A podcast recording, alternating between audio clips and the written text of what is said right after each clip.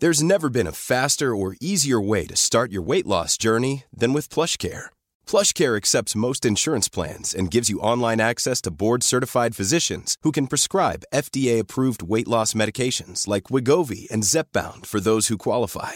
Take charge of your health and speak with a board-certified physician about a weight loss plan that's right for you. Get started today at plushcare.com slash weight loss. That's plushcare.com slash weight loss. plushcare.com slash weight loss. Hold up. What was that? Boring. No flavor. That was as bad as those leftovers you ate all week. Kiki Palmer here, and it's time to say hello to something fresh and guilt-free. Hello Fresh. Jazz up dinner with pecan-crusted chicken or garlic butter shrimp scampi. Now that's music to my mouth. Hello Fresh. Let's get this dinner party started. Discover all the delicious possibilities at hellofresh.com.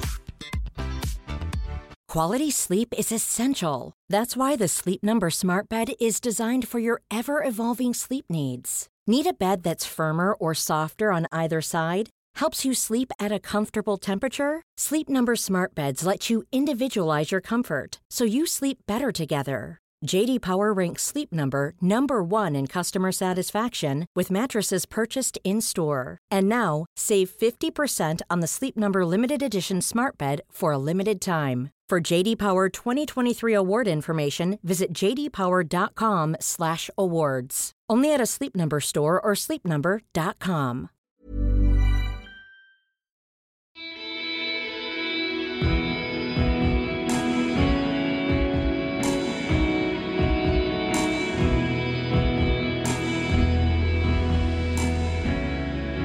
Hola, amigos e amigas. Eh, velkommen til Kaptare podkast. Dette er en eh, uvanlig dag å få ut en episode på en fredag kveld før helg, men eh, nå gjelder det å smi mens jernet er varmt. Jeg fikk muligheten til å snakke med Harald Bjerke, som en del vet hvem er nå, på grunn av noe som skjedde for nøyaktig en uke siden. Fantasm 24. Kilian Jornet skulle løpe eh, 24 timer på en 400-metersbane i Mondalen eh, og se hvor langt han kom. Kunne han slå verdensrekorden?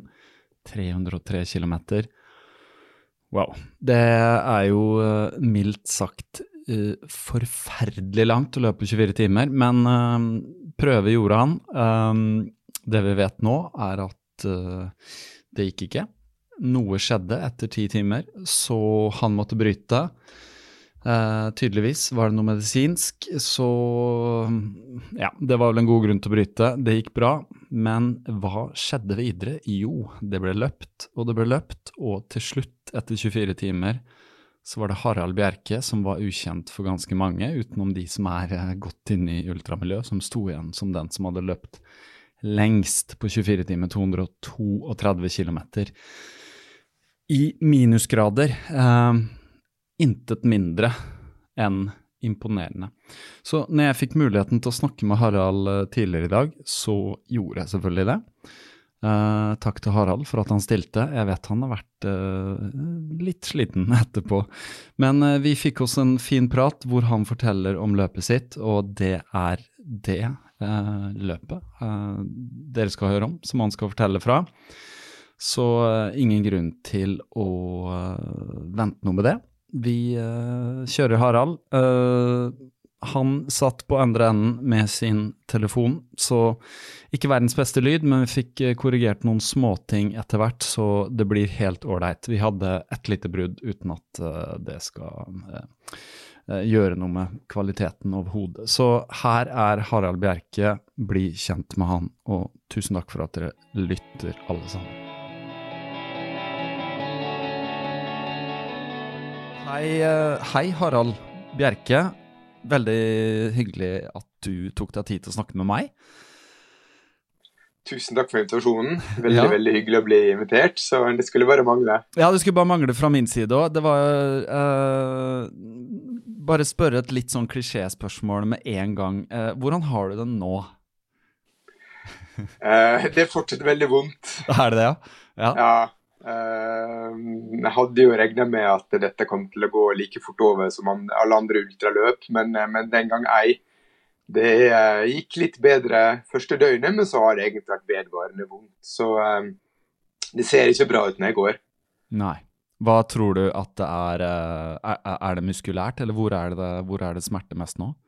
Nei, det er muskulært. Det er ja, ja. lårmusklene som har fått kjørt seg, altså. Så ja, det, det, er kun der det sitter nå. Ja. Hva, hva, tror du Hvor lenge vil det gå før du føler deg normal igjen? Jeg, jeg har ikke peiling, for dette her er, det er så vonde, stikkende smerter. Det er ikke sånn stølhet som vi har vært vant til fra før. Det her er noe annet. Så eh, jeg har ikke peiling, men jeg skal eh, ha noe behandling i dag og få eh, litt tips og triks om, om hvordan jeg skal gå fram, og om jeg skal tøye eller om jeg skal massere eller sånt for at det skal bli bedre. da. Ja. Men bare for å spole litt tilbake, jeg regner med at de fleste som hører på oss nå, vet hvem du er og hva du har gjort. Men før vi snakker litt om eh, 24-timersløpet du gjorde nå i helgen, hvem er egentlig Harald Bjerke? Hvem er du? Hvis du kan Oi.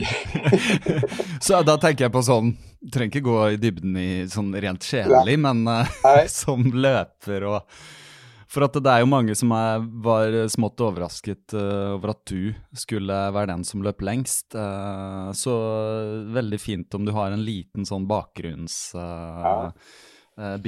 for oss som ikke kjenner deg så godt. Nei. Um, ja, først og fremst er jeg familiefar. Tre barn, samboer og full jobb. og har løpt en stund. men løpinga blir jo på si. Mm. Um, og begynte å løpe ultra i fjor.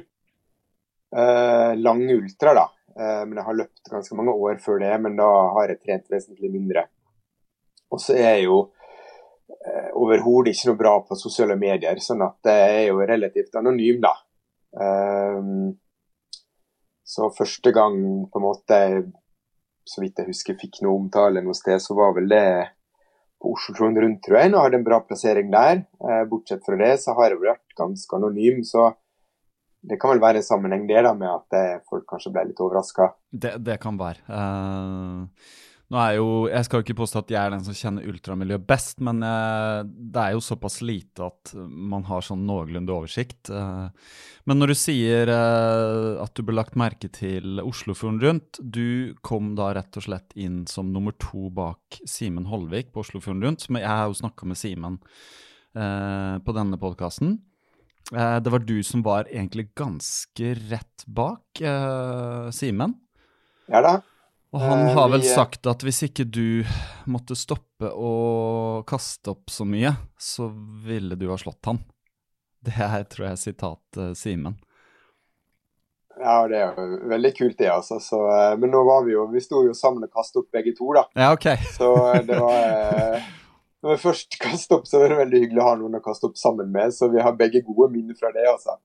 Men du var rett og slett Det, det var ikke mange minuttene bak uh, på det løpet der, som dere løp vel en 17-18 timer i i 100-milsløp Oslofjorden rundt. Fra, det er vel fra Moss og helt rundt uh, Holmestrand? Mm. Jeg var tre minutter bak han i mål. Tre minutter bak han. Hva, hvordan føltes det, holdt jeg på å si? Var det, var det over, overraskende for deg, eller var det bittert å ikke ta han, eller hvordan opplevde du det? Eh, det var ikke bittert i hele tatt. Eh, Simen er en fantastisk god løper. og uh, hele tatt klare å komme så nært han var en helt fantastisk opplevelse for min del. Um, jeg var jo farlig nær ved å bryte halvveis. da var jeg helt tom. men da ble jeg dytta til å fortsette videre og klarte å hente meg inn. da. Så det at jeg fikk en andreplass var helt fantastisk. Så jeg er kjempefornøyd. Ja, det er, det er imponerende. Uh, du sier jo at du har familiefar og løping og sånn. Hvor, hvor, lenge har du løpt lenger enn maraton? For jeg ser at du har løpt noen maraton, og du har gode, gode tider på maraton. Eller i hvert fall løpt et maraton i år. Uh, Perseløpet og 2.40, 2.3 eller noe sånt, stemmer det? Ja, 2,43. Så det setter jo deg på en måte Det setter jo litt Mange har veldig et forhold til maratontiden, uh, så det mm. setter jo det hele litt sånn i kontekst. Uh, men hvor mange ultra Jeg ser du løp Ecotrail riktig. Om det var i år som et sånn virtuelt, eller i fjor, er jeg litt usikker på. Men det, det var i år, eller?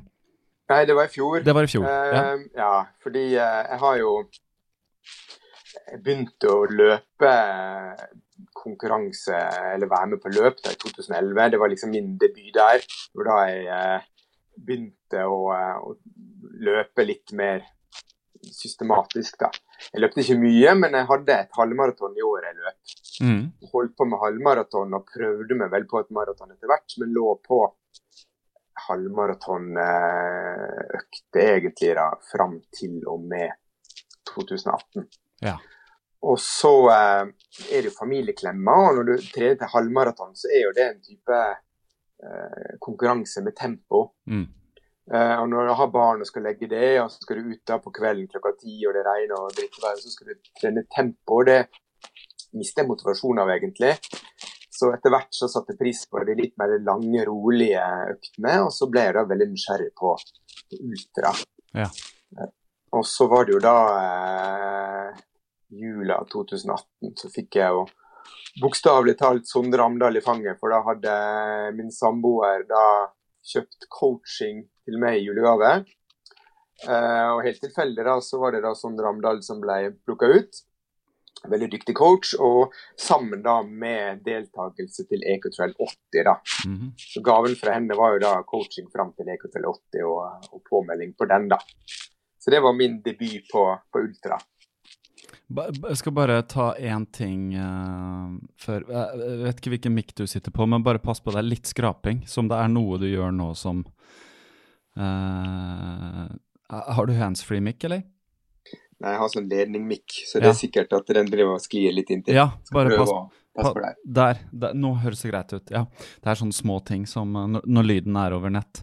Men eh, Sondre Amdal han er jo ganske kjent for eh, de fleste, vil jeg tro, som ganske legendarisk ultraløper og coach for veldig mange andre. Var det noe du hadde ønska deg, eller var det din samboer som tenkte at nå burde Harald begynne med ultra?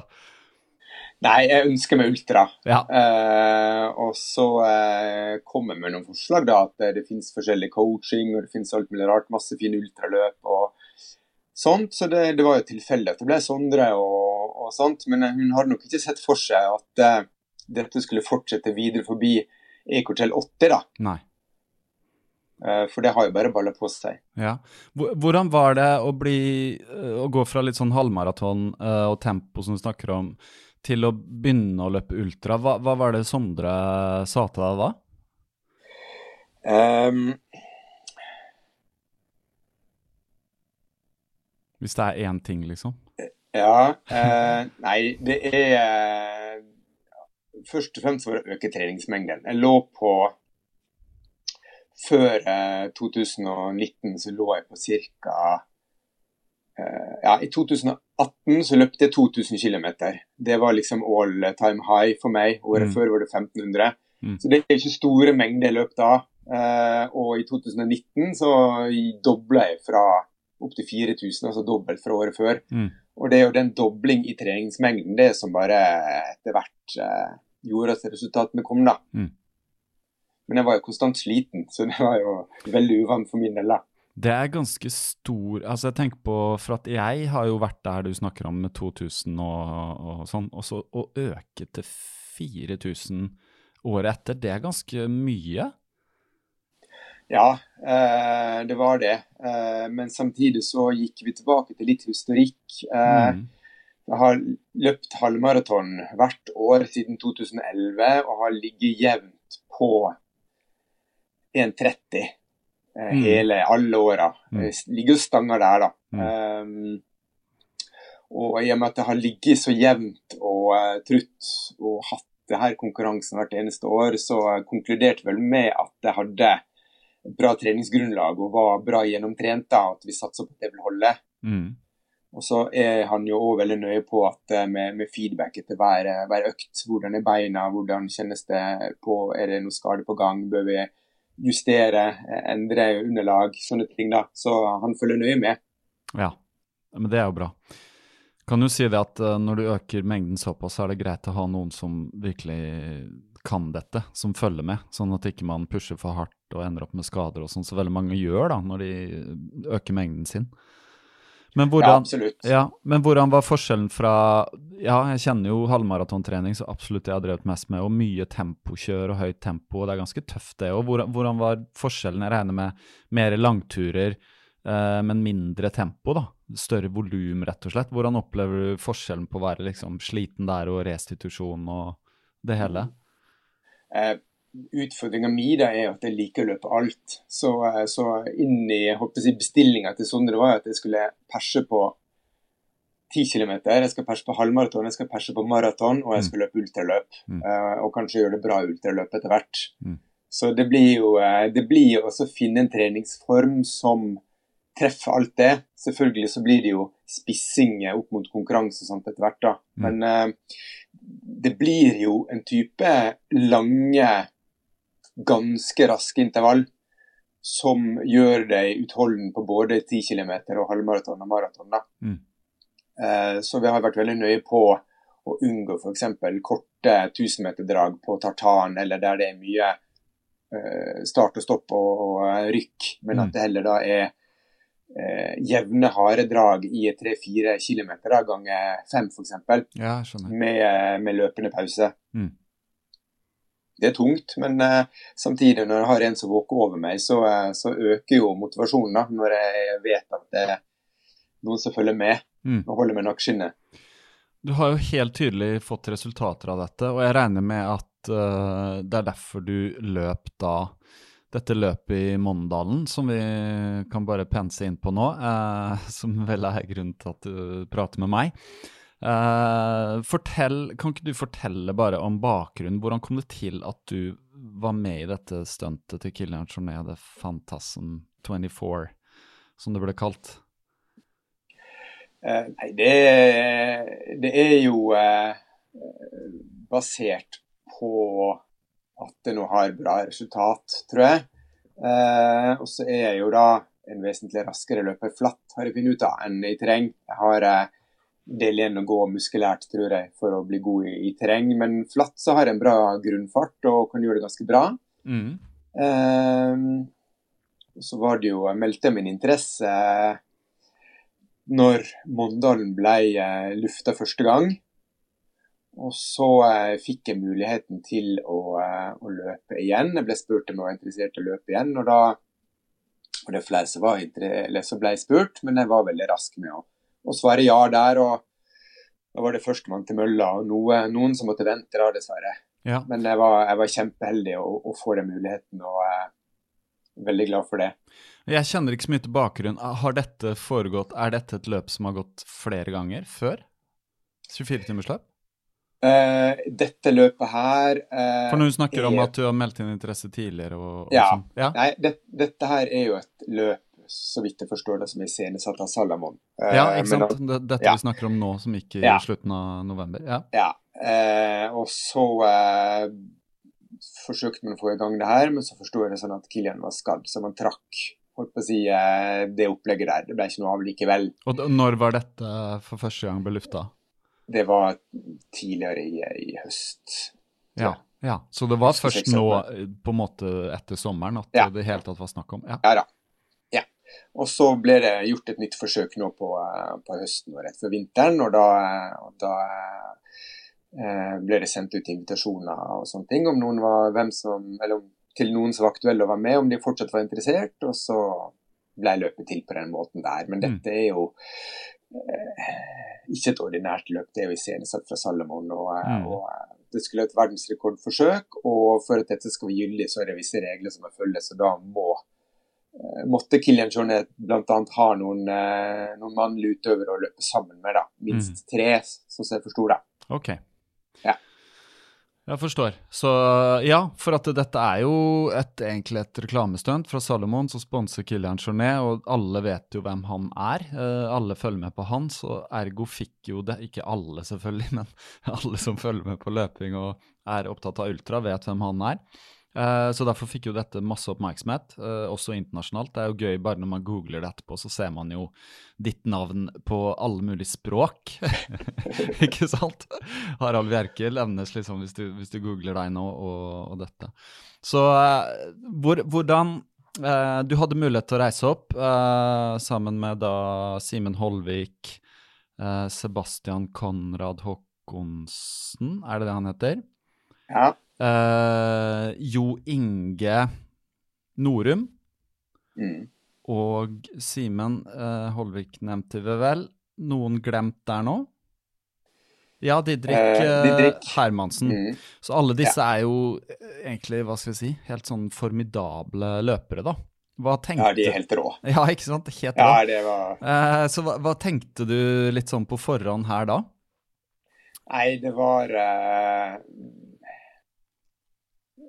det ble liksom David mot Goliat. Dette, her, dette her er formidable løpere som er helt ekstreme, og uh, som jeg virkelig ser opp til. Så, uh, så, jeg var jo innstilt på at jeg kom til å bli jumboen her på lista.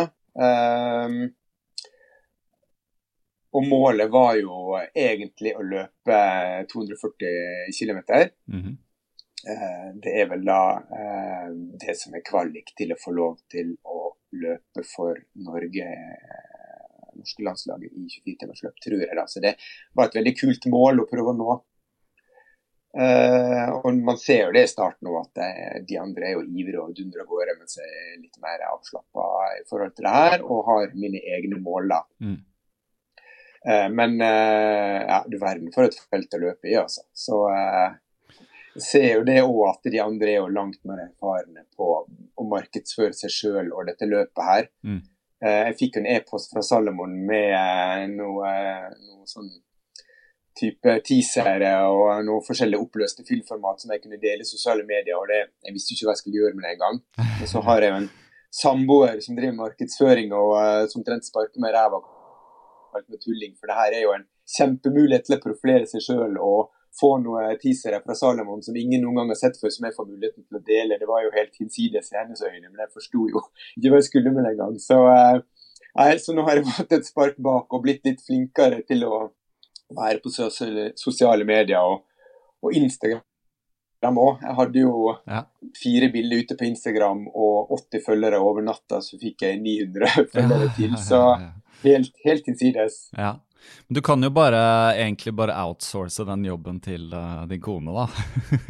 ja, ja, ikke sant? Det, jeg skjønner den der godt også. Det er liksom, Instagram er jo litt sånn enten-eller, altså. Uh, på et vis. Det er jo de som bare dundrer ut og dundrer ut. og uh, Jo mer du lager, jo mer synlig blir du og sånn. Det er litt sånn med logaritmer og alt det der òg. Men uh, men det, det, det, er jo selvfølgelig en av grunnene til at veldig mange ikke visste hvem du var, uh, utenom de som på en måte kjenner sånn inngående til miljøet og sånn, da. Uh, så det, det, gjorde det enda morsommere. Men du sier jo det at eh, de andre dundra ut i full fart, og alle hadde sine mål og mye hårete mål og sånn. Uh, kan vi vel si.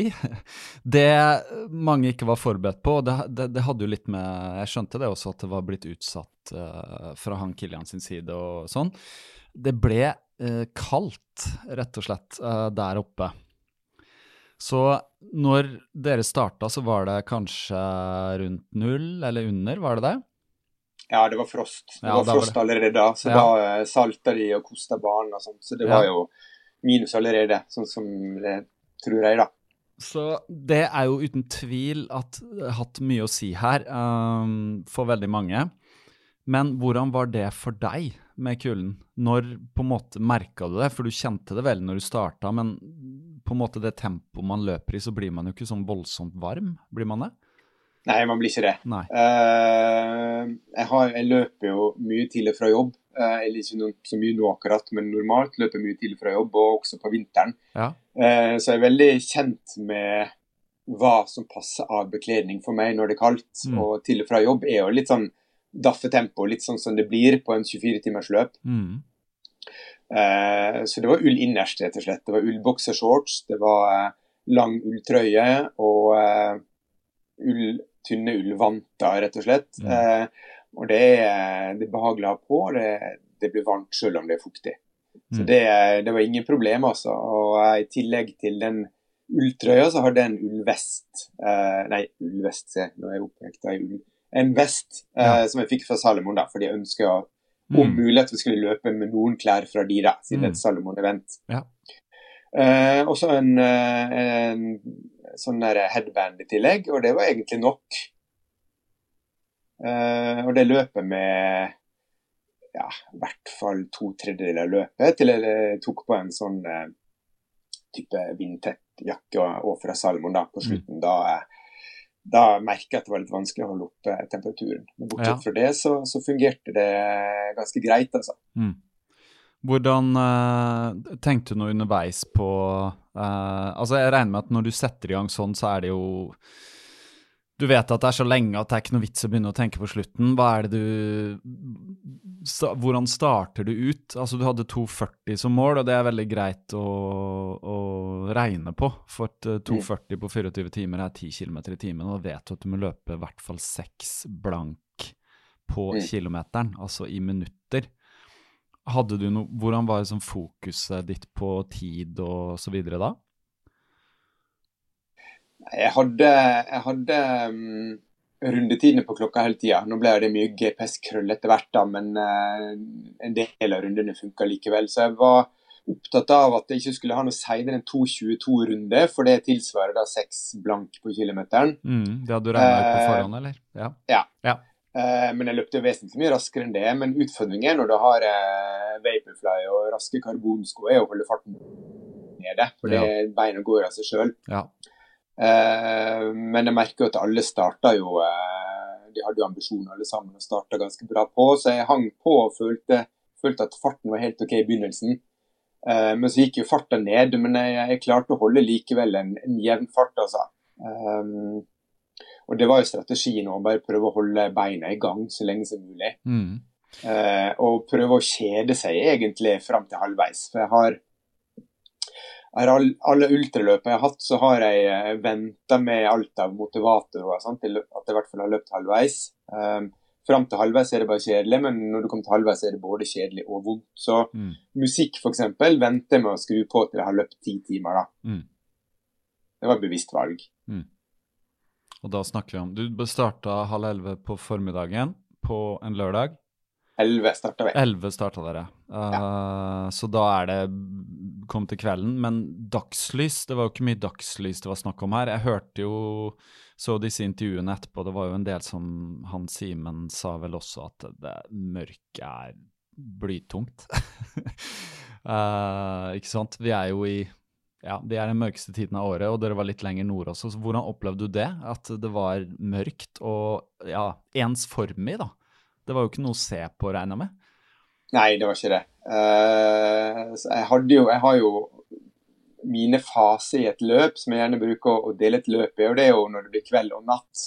Natt blir en ny fase av løpet, som på en måte kan være fin på ett sett, men når det er 18 timer natt, så blir det jo lei av det òg. Mm.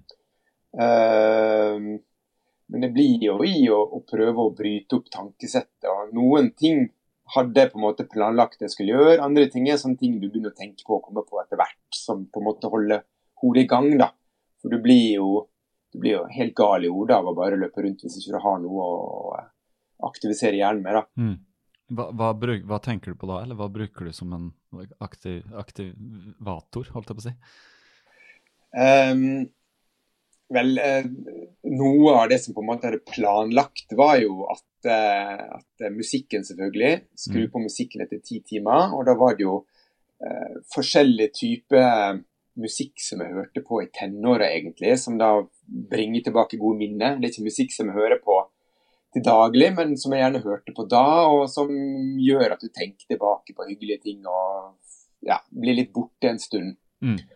Og så hadde jeg som mål å tenke på hvert eneste familiemedlem, det blir litt sånn klisjé nå da, men hvert eneste familiemedlem, og hvorfor det familiemedlemmet bestemt, betydde mye for meg. Mm.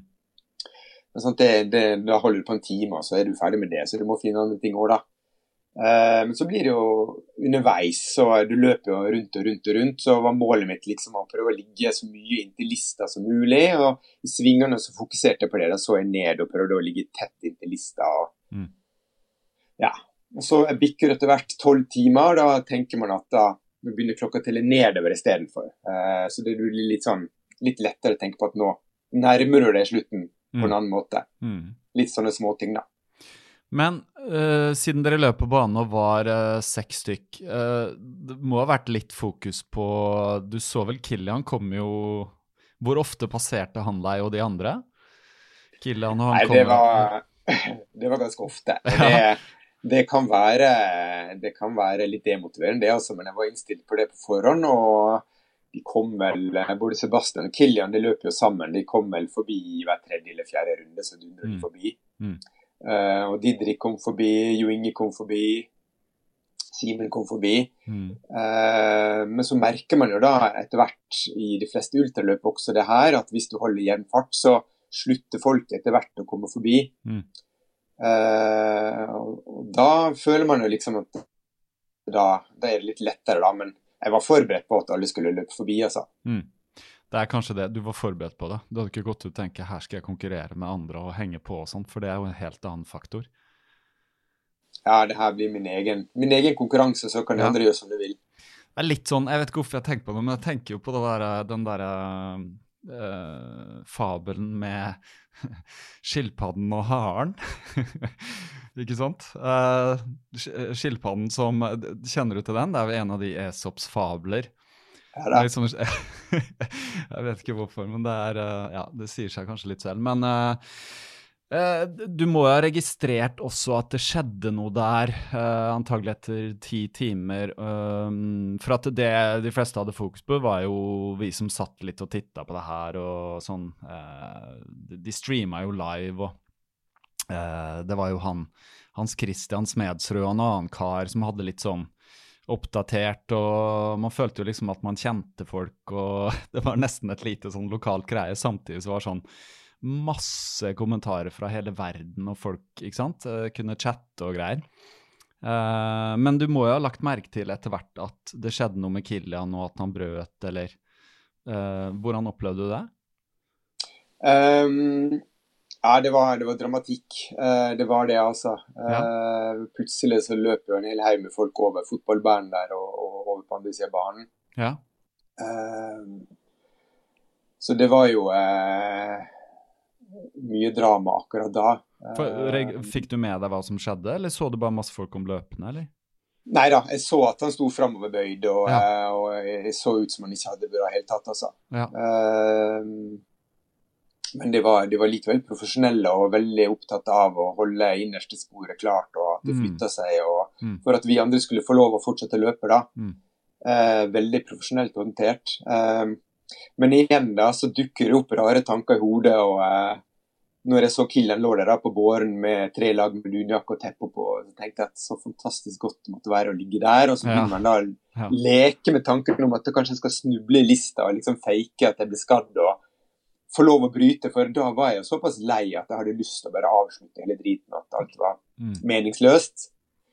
Men, eh, men igjen da, så eh, så eh, dytter man det bare fra seg som en latterlig tanke, og så fortsetter man å løpe. Og så, litt som du sier, så eh, snur ting seg etter hvert. Og eh, jeg hadde jo en fantastisk eh, support som hele tida fortalte litt hvordan ting var. Og eh, jeg hadde jo sagt til han at hvis de andre begynner å vite, vise noen svakhetstegn, så vil jeg ha beskjed. For det, det har jeg opplevd før i løpet, at det er en veldig motivator da når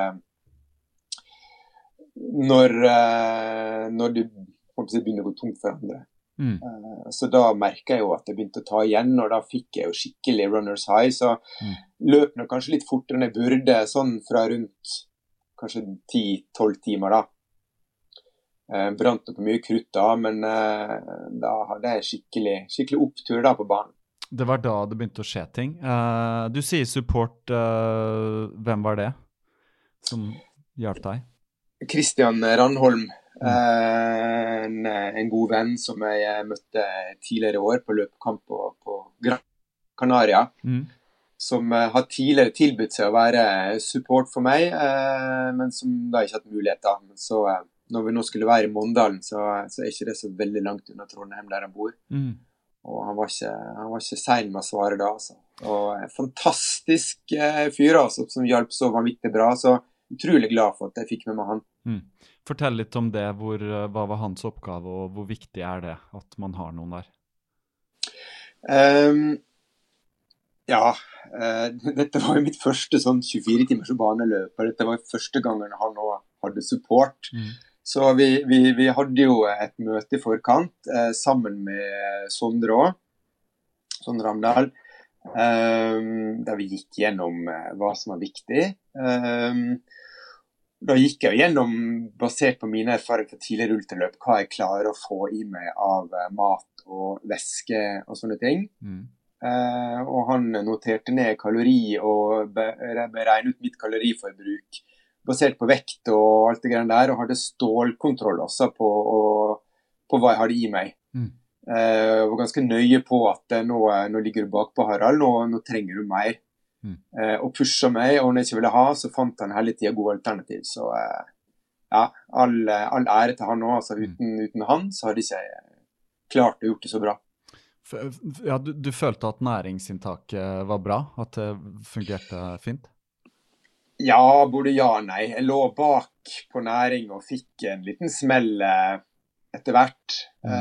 Um, men Kristian hadde veldig fin tilnærming til det òg, for jeg følte meg nedfor og var lei og ingen energi og sur. Og uh, og sa det at nå er du for lite energi, det er derfor du føler det sånn som du har det. Mm. Hvis du er flinke på, på, inntaket nå, så snur dette i løpet av en halvtime eller time, og da vil du føle det mye bedre. Mm. Uh, og det å få et konkret svar på hvorfor jeg hadde det sånn som jeg hadde, og, en, og dette var tidsbegrensa, gjorde var egentlig en motivator i seg sjøl. Mm. Uh, da hørte jeg på han og prøvde å være ekstra flink til å ha i meg ting, og så løsner det igjen. Altså, så, nei, det var et fantastisk samspill. Så bra. Uh, hva når, når, var det du uh, skjønte Eller når, på hvilket tidspunkt var det du kom opp i ledelsen? For du må jo ha passert Hva var det som skjedde med de andre? Jeg vet at uh, han ja, Når Kilian brøt, så brøt vel han uh, Sebastian også ved 100 miles. nå er jeg ikke helt sikker. Satt han en 100 miles-rekord, eller? Ja. Han gjorde det. Han, ja. han satte en rekord, og jeg tror han var veldig fornøyd med det. også. Ja. For det var jo nettopp han Jo Inge som hadde satt en 100 miles-rekord her tidligere i år. Ja, på hell, som jeg ja, fikk den. Mm. Etter at en bergenser, Stian Andersen, hadde satt en rekord før det igjen. Så her har det mm. skjedd mye på et år. Så da var de, de, to ute. Eh, hva skjedde da med ja, Simen, Didrik Hermansen og han Jo Inge, da? Når du, hva, hva foregikk med de? Fikk du med deg det? Ja. ja, jeg så etter hvert. Eh, jeg så etter hvert. Eh, jeg fikk jo meldinger fra, fra Christian, supporten, og så det jo etter hvert at, eh, at enkelte begynte å slite. Mm. Både med næringsinntak, for de gikk tom for energi, og samtidig som at de da ble veldig kalde. Mm. Så at de enkelte hadde kledd på seg veldig mye. Um, og, uh, men var jo da selvfølgelig frista til å roe ned sjøl, ikke sant. Men, mm. men, igjen, da, i ultra kan alt skje, og uh, det kan være min tur til å få smell og en time eller to etter der. Så fokuset var egentlig bare å, å holde oppe mitt løp, holde oppe frekvensen og pushe på. Og være flink på næring og ja, bare klatre. Og etter hvert så så eh, ga vel Didrik seg og sånt, men de andre fortsatte jo å holde på. Eh, så det var jo Det var ikke før jeg hadde løpt ganske mange runder mer enn de andre, at jeg på en måte turte å tenke tanken på at det kunne gå bra, da. Mm. Ja, så når var det du kom i ledelsen, eller var det den som hadde flest runder? Det er nesten det man tenker. ja, ja.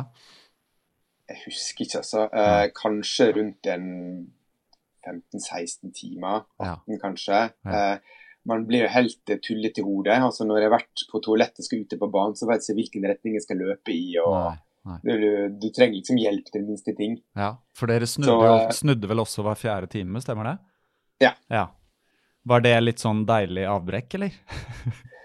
eh, ja. ja. Da er det i hvert fall et eller annet som skjer. Ja så uh, da har du liksom fokus på akkurat det der og da, siste halvtimen. Mm. Så uh, Mm. Hva foretrekker du da? Høyre- eller venstresvinger? Altså medsols eller motsols, som man vanligvis løper?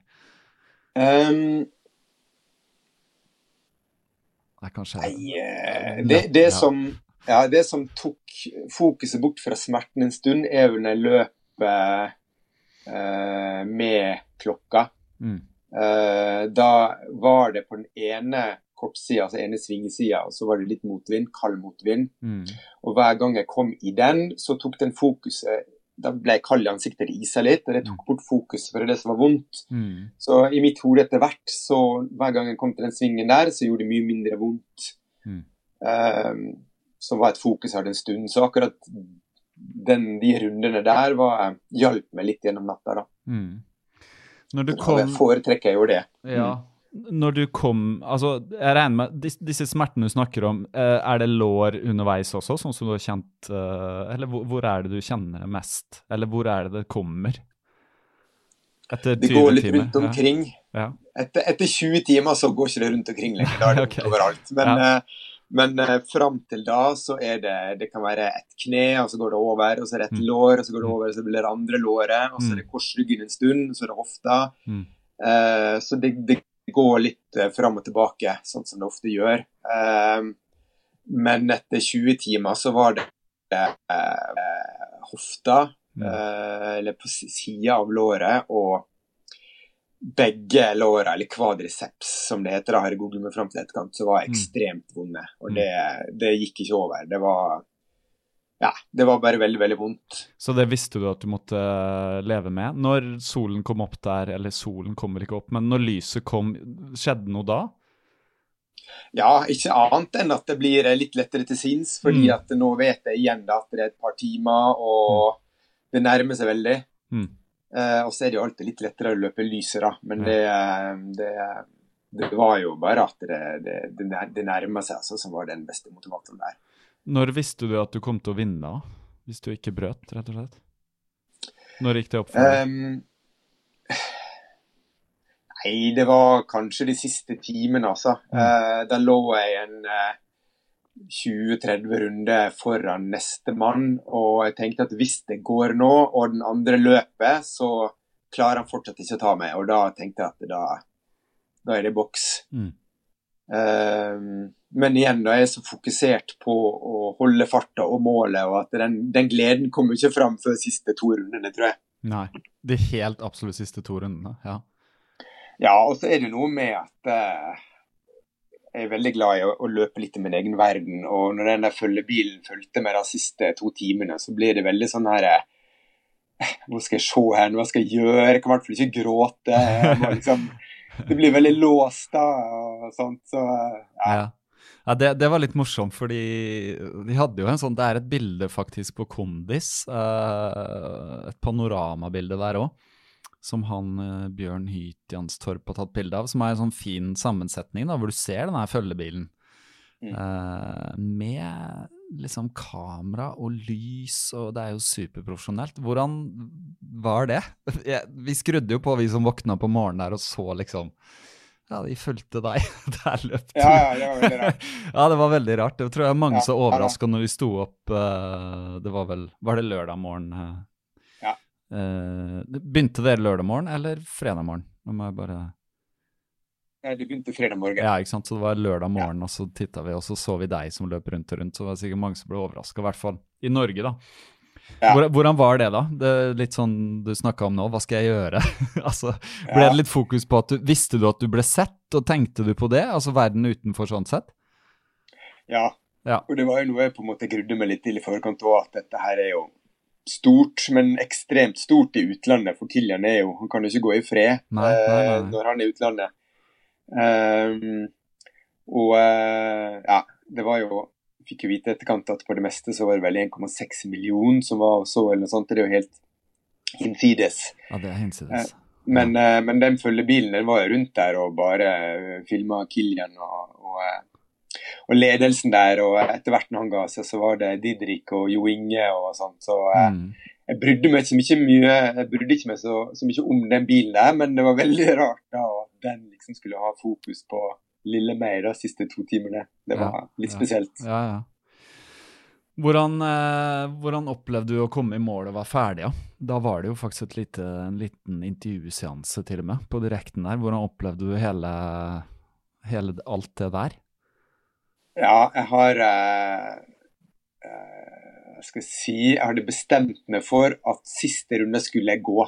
Uansett hva supporten sa og sånne ting, da skulle jeg gå. Ja. Uh, da skulle jeg bare roe ned, senke skuldrene, bare nyte siste runden og kose meg, da. Mm. Uh, det, var, det, var, herlig. Det var fantastisk. Um, og så skulle jeg prøve å knekke i gang beina og løpe siste 50 meterne tror jeg, over målstreken. Det var forferdelig. Og da skulle jeg sette seg ned etter det og bøye låra. Det var Gud, ja. Jeg tror det er noen bilder også som er på nett der det ser ut som jeg holder på Ja, det var veldig, veldig vondt. Ja. Og så er det da får den mikrofonen i, i, kjeften og begynner å snakke engelsk da når jeg har absolutt ingen energi. Kjeven er helt nedkjølt og låst, og prøve å, å få fram noen vettige ord. Det, det, var ikke enkelt. Men uh, jeg var overlykkelig over å få, få ja, bare være ferdig med det her, altså. Det er det man ser på bildene, at du er lykkelig og letta, og, men selvfølgelig utrolig sliten på den måten man blir når man løper langt sånn, da. Ja, jeg ser ut som jeg er 1000 år gammel, så det er helt, helt hinsides. Det har vært en påkjenning, det der. Man føler seg vel litt sånn tusen år gammel da? Ja, man gjør det. Man ja. gjør det. Og det gjør jeg nesten ennå, altså. Det er, ja. det er vondt å bevege seg rundt. Men bortsett fra beina nå eh, etterpå, hvordan er liksom det mentale og kroppen og hvordan har liksom uka vært, da? Det har vel ikke vært helt normal, regner jeg med? Nei da. Uh, det var jo å lære seg å uh, svare på meldinger på Instagram uh, første døgnet, da. Ja, bare, og forstå hvordan ja. det der henger sammen. Um, og så har jeg jo familie på Sunnmøre, så um, første, første to-tre dagene etterpå så var jeg hos mine foreldre som bor, bor i Ørsta. Mm og var der uten eh, barn eller noen forpliktelse noe som helst. Da var det kun eh, sofa og eh, kjøkkenet og soverommet bevegde meg mellom. Mm. Eh, veldig, veldig deilig, altså. Eh, å få litt ro der. Men ro, hvordan har det vært i etterkant? Har det vært, uh, har det vært mange som har tatt kontakt på forskjellig vis? Ja, det har vært Facebook og veldig mye på Strava, Instagram selvfølgelig. Mm. Um, masse gratulasjoner, det var, var kjempehyggelig. Og alle i barnehagen vet om det nå. Mm. okay. ja. Og jeg er rundt omkring, så det er utrolig kult. Altså, masse gratulasjoner. Og så har det jo da blitt noen podkaster sånt år, da. Ja, ja. som også er litt litt kult, da. Hvilke så andre det... podkaster utenom uh, her du er nå, er det som kommer ut? Um, jeg skal ha en samtale med Hans Christian nå, mm. eh, Nede-podkasten. Og så er det en utenlandsk podkast som jeg har hørt før, som heter The Flytrap Coalization Podcast, mm. tror jeg. Som er litt sånn type mental eh, styrke-podkast og ultraløpere og triatlon og litt sånt. Mm. Eh, ja. Det er vel det. Så kult. Ja. Du, jeg har uh, faktisk uh, noen patrions, to stykk, som har uh, Jeg spurte faktisk i går litt seint om Jeg sa jeg skulle treffe deg på morgenen i dag, og så spurte om de hadde noen spørsmål, da. Så jeg kan jo ta det nå.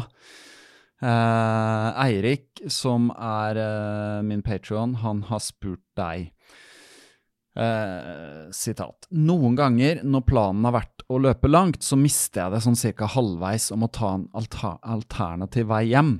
Tunge bein og lite energi. Hvordan kan man i størst mulig grad sikre seg en god løpsdag med tanke på lengre løp? Noen hemmelige triks? Smilefest, da. Så jeg vet ikke hva han mener med eh, planen har vært å løpe langt, men jeg regner med at det er sånn virkelig langturer. Så. Hvordan kan man i størst mulig grad sikre seg en god løpsdag med tanke på lengre løp? Er det noen hemmelige triks? Det dette handler vel både litt om trening og løping? Mm. Um, det er ikke alltid enkelt å sikre seg. Jeg har hatt uh, treningsøkter der jeg knapt har orka og gått, bare har lyst til å gå hjem, og det har vært sånn 7-8 km. Mm der kroppen bare av en eller annen grunn ikke har eh, fungert. Mm. Eh, det kan være at det er en økt som henger i, eller at jeg har sovet dårlig, eller at jeg har fått det med litt næring. Men eh, noen ganger så skrur bare kroppen av. Rett og slett. Ja. Um, jeg, har jo, jeg ble kasta ut i det i ultraløp og hadde jo kjempeambisjoner om å løpe Ecotrail under åtte timer. Og jeg skulle løpe Romeriksåsen og lede hele løpet gjennom og sånne ting. Og gått på noen skikkelig, skikkelig smeller der. Mm. Um, og som jeg nevnte tidligere, også løper vel Oslofjorden rundt. Der har du lyst til å bryte halvveis. Og clouet er jo egentlig å prøve bare å resette seg sjøl. Eh, ta det med ro. Gå. Eh, få i seg næring. Um, prøve å, eh, hvis man er kvalm, drikke vann, få i seg et eller annet. Uh, og så prøver du å gjenoppta næringsinntaket etter hvert. Men det mm. blir liksom altså ja, restarte seg sjøl, altså. Mm. Roe fullstendig ned. Mm. Bare prøve å få i energi og få i seg krefter. For hvis du slutter å ta til seg næring, altså, så er det game over. Da har ikke man noe å stille opp med lenger. Det neste spørsmålet eh, handler faktisk også litt om det, så du har kanskje besvart det delvis. Men Stig, som også er Patrion, eh, han vet jeg skal løpe en, en Det er planlagt, han skal løpe 100 km i Bergen. Eh, han har vel løpt for det meste eller noe sånn 40-50 og sånn. Hva fungerer for deg som næring på ultraløp? Uh, det kan du fortelle litt om hva du spiste da. Og så er det forskjell om det er et 8, 12 og 24-timersløp. Og hvorfor uh, i så fall fungerer dette? og hva er det beste næringstipset? Så hva, hva fungerer som, for deg som næring på et ultraløp? F.eks. når du løper i Oslofjorden rundt, eller nå. Hva er det du spiser da? Mm. Um, jeg klarer ikke fast før det. Nei. Ting som må tygges og mm. svelles, mm. det setter seg fast. Mm. Uh, så jeg må ha mest mulig flytende. Og uh, det som fungerte uh, f.eks. på Soria Moria, da, til hvert så er det sånn her ja, sånn type babymat eller smoothie på sånn plasttuber. Mm. Ting som bare kan klemmes og, eh, og svelles rett ned. Mm. Ellas Kitchen, er helt OK. Eh, men det blir veldig mye søtt. Hvis man bare skal gel, så blir det veldig mye søtt. Derav eh, litt sånn barnemat på tube for å få litt annen smak. Mm. Eller så er det suppe suppe av forskjellige sorter og eh, frukt, litt sånne ting. Men ting som må tygges på og liksom bearbeides før jeg kan svelge ned, det, det, fungerer ikke for min del. Når du sier suppe, da er det noe som du på en måte har uh, malt helt opp, holdt jeg på å si, hva heter det? Kjørt i liksom food-prosessoren? Ting som er forhåndslagd, eller? Nei, det er, det er ting som jeg uh, kjøper. Ja, Som ferdig, ferdigsupper som tilsetter vann ja. og sånn? Ja, ja. ja. Jeg drakk f.eks. på på Mondalen 24 nå, så var det tomatsuppe, f.eks. Lunka ja. tomatsuppe i sånn her drikkegreie som jeg slurpa i meg. Og så var det litt tynn potetstappe, og så var det Det beste, egentlig, var sjokomelk. Det var, ja. fungerte veldig bra. og den, um, Vi måtte jo varme, for det her frøs jo i løpet av natta. Ja, Så varm sjokomelk, det, var, det ble fort tomt av, for å si det sånn. Ja, Hvor mange liter vet du det? Hva gikk med? Nei, Jeg hadde med meg én liter med, med, sånn soyamelk med kakaosmak. Ja. Og så hadde jeg med meg fire pakker tror jeg, med sånn rett i koppen kakao, og alt det ja, ja, forsvant. Så tror jeg òg at han eh, Christian lånte noe fra supporten ved siden av, eh, i tillegg til det. da. Så. Ja. Men det er et godt tips, da. Eh, flytende, rett og slett. Jeg, skjønner jo det. Det er, det er, vel raskere, litt raskere for kroppen å ta opp uh, også, ja. vil jeg tro, da. For det er jo egentlig Ja, ikke sant. Man må jo bare fylle på du, ikke sant? Når du løper så rolig som det der, så, så forbrenner du jevnt over uh, kroppens fettreserve, men den vil jo kreve at noe kommer inn også. Ja. Uh, samtidig som du tømmer sakte, men sikkert sukkerlagrene i kroppen. Og det er jo det som er en bonk sånn sett, uh, når man går helt til kjelleren. Og det henger jo også veldig sammen med mentale, som du sa. Når sukkerreservene blir lav, da blir det mentalt litt tøft. Uh, ja. For hjernen er en Det glemmer man, men den krever sukker for å holde gående. Det er mm. det den vil ha. Alle vet jo hvor høy man kan bli på sukker. ikke sant? Så ja, nei, men det er, er det noen forskjeller om du løper liksom i 8, 12 eller 24 timer, eller? Ja, korte ja. løp uh, går gjerne litt fortere. Mm. Da, uh, da, er det Sånn som Ecotrail er 80, ikke sant? og da brukte ja. du litt over åtte timer, sa jeg. Hva, hva, tar du for ja. deg da, f.eks.? Nei, da, Det var jo mitt første løp, så Ja. det var jo masse rookie- og nybegynnerfeil og, og sånt. Men da, da hadde jeg Morten Gel. Eh, jeg har Mm. prøvd litt forskjellig gel, og jeg brekker meg som regel det meste Ja. av sånn type veldig søte geller. Men uh, da hadde jeg vel bare Morten Gel, tror jeg. Mm. Eh, og planen var å ta det hver halvtime, men det, det gikk jo ikke. Men, Men eh, med en kortere løp så går det mer i, eh, i, i gel og sukker, mens i lengre løp så må jeg bryte opp eh, og, eh, og ha andre ting. Og i, i, i lengre løp òg så, så tror jeg òg at magen tåler nok litt dårligere eh, mat da, enn i korte løp, fordi at magen blir, eh, blir uroa såpass lenge. da. Mm. Ja, ikke sant. Men det, det gikk fint. Kasta det opp nå, eller? I løpet av de Nei, ja, jeg brakk meg litt, men Ja. det var fordi jeg prøvde å spise sånn vestlandslefse så satte seg fast i svelget. Ja, sånt. Så, så den kom opp igjen, og Ja. ja. Så det er rett og slett bare stemmer det der at du, du må ha flytende. Du prøvde deg på en lefse, og det er jo godt, det, men eh, det Ja. Ja. Ok. Ja, nei, men da, Det høres ut som du har uh, naila den ganske greit, altså. men, den, uh, men det er selvfølgelig det er viktig at noen står der. Én ting er jo å få i seg næring, altså vite hva man skal ha, men liksom bare ta avgjørelsen på når og sånn. altså Det du sier om å ha support, at noen liksom passer på deg og faktisk på et så langt løp da, vet Mm. når og hvor mye kalorier du forbrenner, og har litt sånn oversikt over hvor mye som må inn og sånn. Det er jo litt sånn næring inn, næring eh, Eller energi inn, energi ut. Eh, løping krever jo energi, så ja.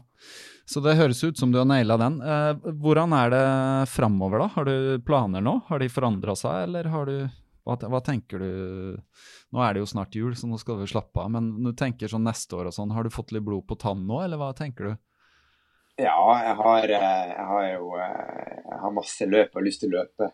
Det som er påmeldt per dags dato, er vel Beckert Ultra på Sigrud. Mm. Um, Den skulle jeg løpe i, i år, men den krasja jo med Oslo går rundt, så jeg fikk var heldig å få utsatt uh, til neste år, da. Mm. Og så er jeg også påmeldt uh, Oslo-Bergen Trail. Eh, som jeg skal løpe, som da er også terrengultra. Langt terrengultra eh, på 515 km, tror jeg. Mm. Um, og det er vel det så langt som er påmeldt, men det blir helt sikkert uh, mer ting etter hvert, altså. Men du, det er jo interessant med det Oslo-Bergen-trailet. hvor, hvor lang tid uh, tar det av? Hvor mange dager må du regne med der? Det, det, er, det er åtte dager som er limiten, Uh, Ja. men, uh, men eh, så var jeg heldig og uh, skal løpe sammen med Sondre, Ja. coachen. Ja. Og han hadde ikke så god tid, så han kunne ikke bruke åtte dager på de greiene der. Så vi må bare skynde oss av gårde og Yes, ja. se, prøve å komme fram så fort vi kan. Hvordan, da, da, da løpes det ikke langs veien. Da er det over fjell og stier og alt det her. Strak av veien og Ja. 17 000 høydemeter, så det er opp og ned. Ja, fantastisk. Eh, er, det no, er det noen som prøver å få fatt i deg? Eller er det sånn, slår det inn på klokka? Vi er egentlig, ja, det- ja, vi er egentlig ganske i havn uh, her nå, altså. Fått en uh, fin prat med deg, som jeg skal få ut så snart som råd er. Og så skal du ha noen andre samtaler som sikkert blir litt annerledes, og det er jo bare gøy. Bare si tusen takk, Harald, for at du eh, tok deg tid i dag. Og eh, kjempelykke til videre. Nå tror jeg det er mange som kommer til å følge, følge litt med deg. Jeg kan jo stille et siste spørsmål som handler litt sånn om ja, Har du ambisjoner på 24 timer? Eh, vi vet jo det at Simen Holvik sa at han ville løpe 2,60, og det er vel en norsk rekord der som Bjørn Tore Taranger har, eh, som er Hva er den på? 2,60 eller 2,57 eller noe sånt? 257, tror jeg. Ja, ja. Mm. Er det noen ambisjoner i den retning, eller?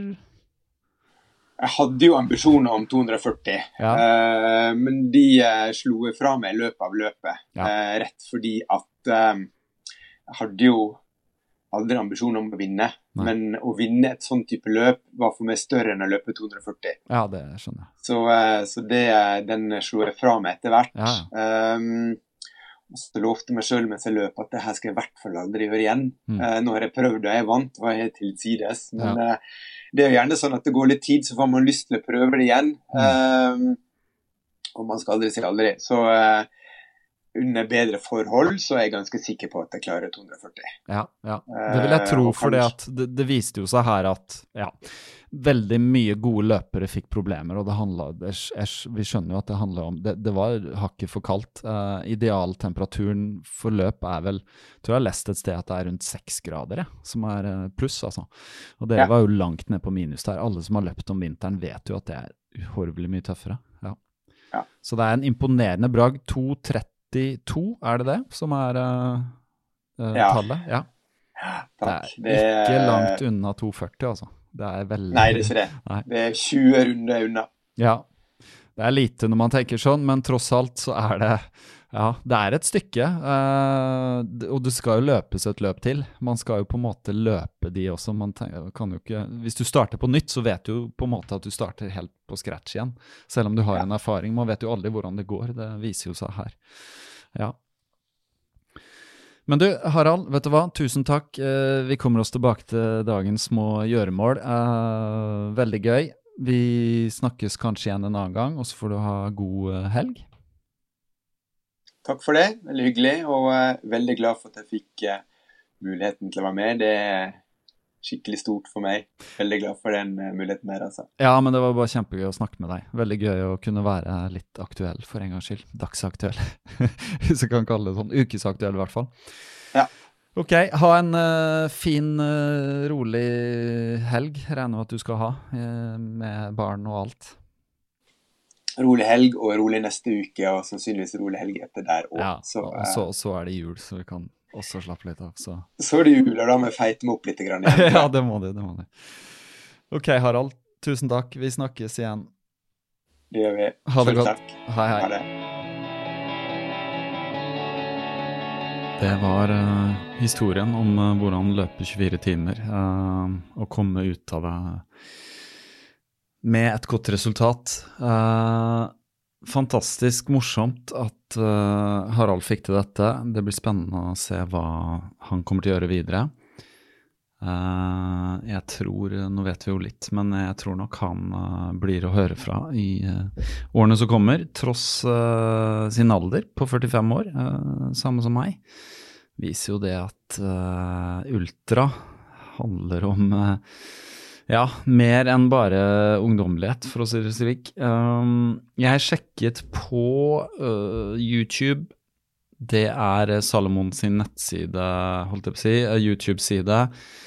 Der hvor det opptaket lå av den 24-timeren, det er ikke tilgjengelig, står det. Um, Salomon skriver at because of its length, the video is process by YouTube. We hope it will appear here soon. Men det har ikke skjedd en uke etter. Så hvis ikke du så dette på direkten, så vet jeg ikke om noensinne vil se det igjen. Ikke det at det er så viktig å sitte og se på 24 timer, men det var jo noe ting underveis der og sånn. Så vi får se hva som skjer med det.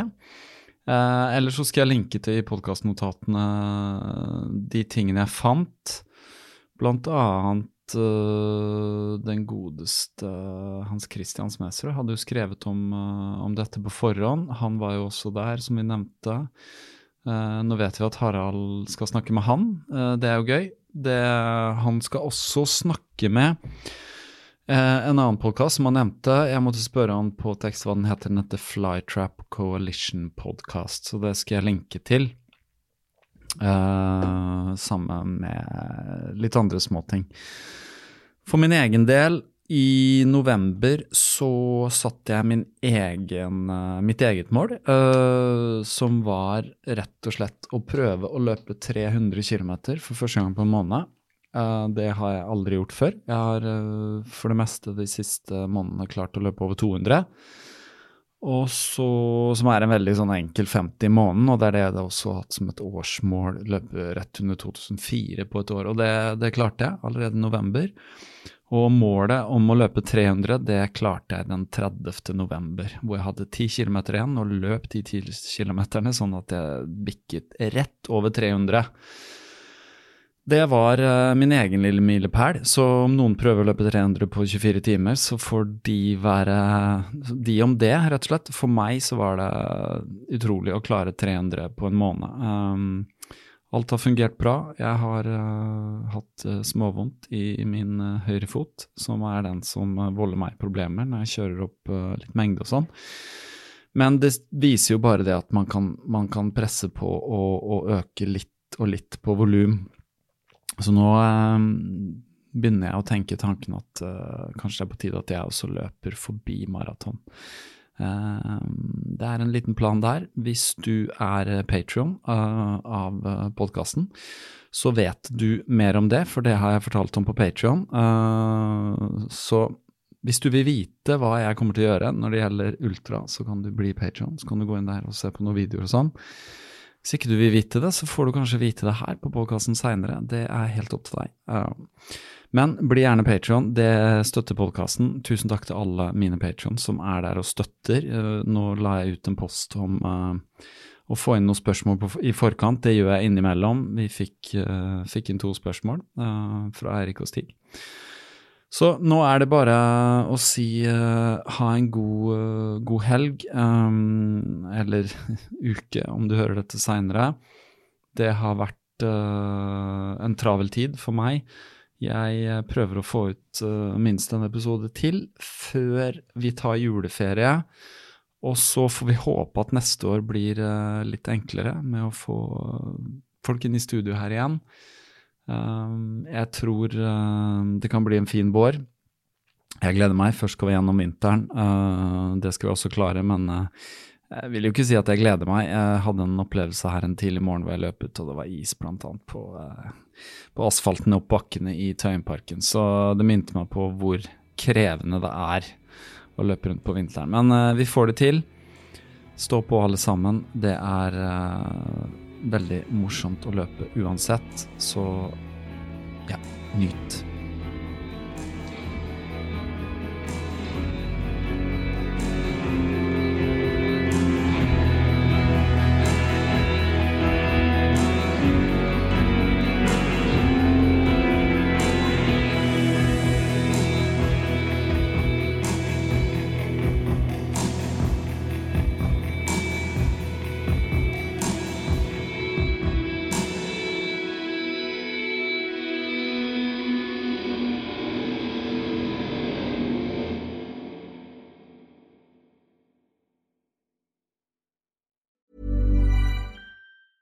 Witness history at Roland Garros, where old rivalries meet new talent on the clay battleground. Tennis Channel Plus is your place to watch. Stream every court from your phone or smart TV live in HD. Experience three weeks of unparalleled access as the world's top players in tennis face off to see if the veterans maintain their dominance or if a fresh face rises to challenge them. Daily live coverage of the French Open begins Monday, May 20th.